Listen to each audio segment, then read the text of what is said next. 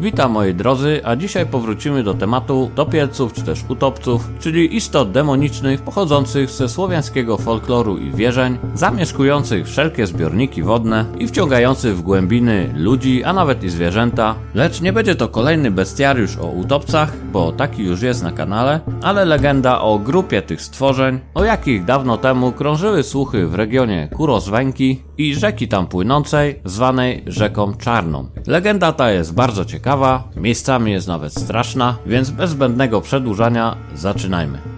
Każdy z okolicznych mieszkańców wiedział dokładnie, że do rzeki o północy za żadne skarby nie można było się nawet zbliżać, co mylące i jak mogłoby się zdawać, to nie z powodu chmar komarów tnących z taką zaciętością, że z dorosłej krasuli potrafiły wyssać tyle krwi w jedną noc, że ta zaś biedaczka ledwo słaniała się na nogach o poranku. Co to, to nie.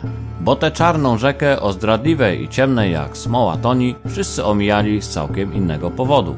A powód ten był taki, że wierzcie lub nie, zamieszkiwały ową rzekę demony dawnych przodków, utopcami zwane, straszne to były poczwary, z czasów zapomnianych, zrodzone z dusz nieszczęśników, którzy życie swe stracili w odmętach rzek i jezior. Przybierały one postać wysokich, nienaturalnie wychudzonych istot o zielonkawej lub szarej skórze porośniętej glonami i szlamem. Ich wielkie głowy zalewały się w wodospadzie czarnych jak smoła długich włosów opadających w nieładzie na kościste ramiona oraz twarze. Czasem ich włosy były i zielone, pomieszane z wodorostem, liśćmi i wszystkim innym, co tam w toni pływa. I podobno, bo nikt, kto takowego widział, jeszcze z życiem nigdy nie uszedł, już samo spojrzenie na utopca napawać miało nieszczęśnika przerażeniem. A który to nieszczęśnik nieświadomie zapuścił się na ich terytorium i nie inaczej było w przypadku młodego Jaśka, który zapomniawszy się przysnął nad rzeką, przez co nie zauważył zbliżającego się zmroku a obudził go ze snu tajemniczy szmer połączony z dziwnym, chrapliwym oddechem, jakby ktoś specjalnie chciał chłopaka nastraszyć i użyć sobie kosztem jego, bo wszyscy wiedzieli, że w utopce to on nigdy nie wierzył. Na hałas ten chłopak wyrwał się z drzemki, rozejrzał dookoła, sprawdził za drzewem, pod którym jeszcze niedawno spał, trochę w pobliskich zaroślach poszukał, ale nic a nic nie znalazł. Pomyślał więc sobie, że może to jeszcze sen pod koniec figla mu spłatał i nie przejmując się tym zbytnio, jak gdyby nigdy nic ramionami wzruszył i na powrót usiadł pod drzewem tuż przy samym brzegu rzeki. Złapał w ten zawędkę, rozwinął żyłkę wokół niej zawiniętą, zarzucił i jak to zwykł robić, szczególnie w tak dłużne i gorące wieczory, włożył nogi do wody. Niedługo było czekać, by chłopak bardziej niż by sobie tego życzył, dowiedział się, kto w istocie owe figle zechciał mu płatać. Bo nagle Jasiek poczuł potężne szarpnięcie za jedną z jego nóg, które dla ochłody zwisały z brzegu do wieczornej, ciemnej rzeki. Strach zalał jego umysł, niczym woda zalewająca nozdrza i płuca, gdy zobaczył szybko poszerzającą się na powierzchni wody plamę krwi i szponiastą dłoń z błoną rozciągniętą między palcami, która wpiła się w jego prawą łydkę, niczym zbłąkane podczas żniw widły. Utopiec, widząc reakcję przerażonego chłopaka, błysnął z głębin swymi ślepiami i począł brutalnie wciągać go w głębiny mrocznej niczym grób rzeki. Na co chłopak, chwytając się korzeni pobliskiego drzewa, zwisających z brzegu, jak to niedawno zwisały jego własne nogi, zaczął wyrywać się i co sił w płucach wzywać pomocy coraz bardziej przerażającym, piskliwym głosem wycieńczenia. Długo jak na ofiarę utopca walczył o życie, kopał, rzucał w potwora kamieniami pochwyconymi z brzegu, jednak koniec końców nie przynosiło to spodziewanego efektu i śmierć w odmętach zdawała mu się coraz bardziej bliska. A na samą myśl o tym serce dudniło mu tak boleśnie i głośno, że i nie jeden bęben mógłby się przy tym schować.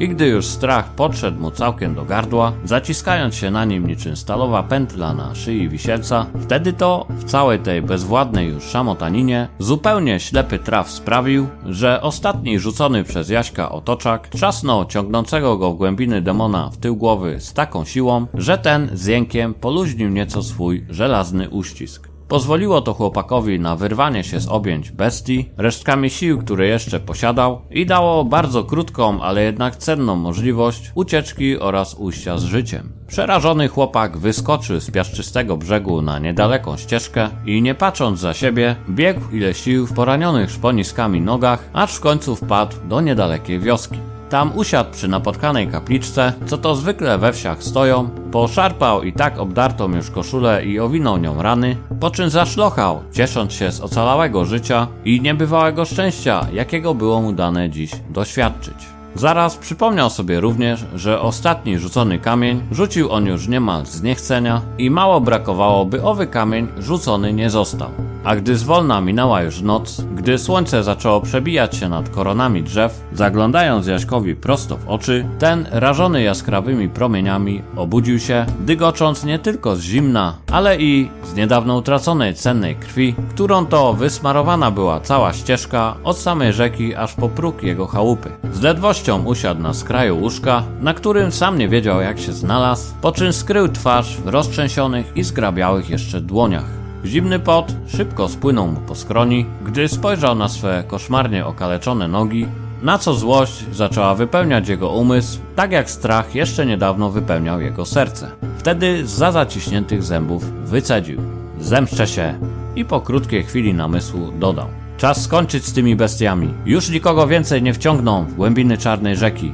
I choć brak mu było jeszcze sił, to wstał i przystąpił do realizacji planu zemsty, który to na prędce sobie umyślił. A pomysł Jaśka był prozaiczny i prosty i nie było tak przez przypadek, bo to te właśnie pomysły zwykle są najbardziej skuteczne. Sam plan zakładał, iż skoro wiadomo, że utopce wychodzą nocami na brzeg w poszukiwaniu ofiar, a w szczególności wychodzą po północy, to wystarczy przyczaić się na takiego z wielkim worem i po błyskawicznym zarzuceniu go na potwora silnie związać i pozostawić na brzegu do wyschnięcia. Jak chłopak pomyślał, tak też uczynił. Jednak z powodów wiadomych ani myślał udawać się nad rzekę sam, tak więc namówił kilkudziesięciu okolicznych mieszkańców, którzy owych poczwar również mieli już dość, by poszli z nim na owo polowanie.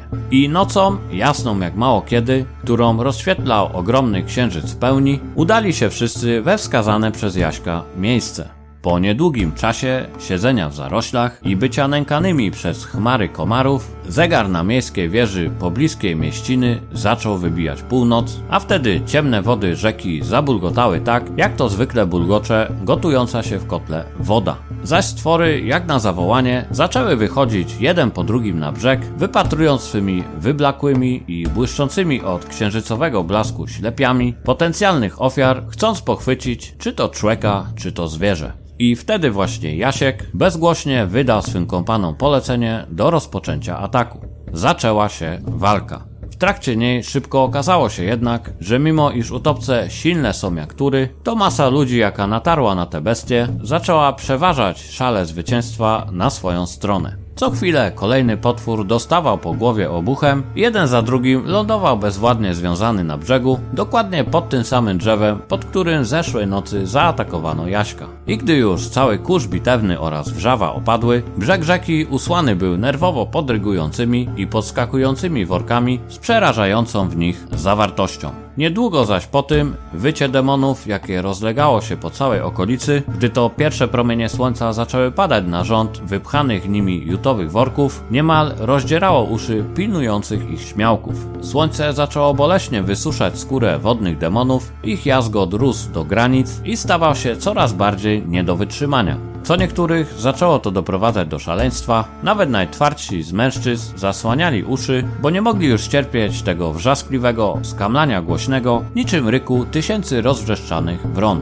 Jednak minut kilka później, a wszystkie utopce, jeden po drugim i każdy z osobna, stężały całkowicie, po czym rozpadły się w niewielkie kubki popiołu. I tak aż do końca, gdy to ostatnia z poczwar w męczarniach niesłychanych wyzionęła wreszcie ducha, pozostawiając po sobie jedynie mroczne wspomnienia czasów terroru, jaki to padł na mieszkańców osiadłych przy nawiedzonej przez demony czarnej rzece. Chłopak natomiast ocalenie zawdzięczał swemu strachowi przed śmiercią oraz uporowi w walce, bo to właśnie wtedy, gdy człowiek chce się poddać, nie widząc już dla siebie nadziei, właśnie wtedy z całych sił należy walczyć o życie. Tak też uczynił, a śmierć go nie spotkała, lecz nagroda w postaci zemsty i chwały godnej największego bohatera. To już koniec legendy o utopcach z rzeki Czarnej. Zachęcam do wspierania kanału polubieniem, komentarzem i udostępnieniem, zaś nowych widzów namawiam do pozostawienia subskrypcji, by kanał ten rósł i mógł coraz bardziej promować nasze wspaniałe legendy, mity, folklor, tradycje, tak te średniowieczne, jak i pradawne słowiańskie. Tymczasem dziękuję za uwagę i do następnej legendy.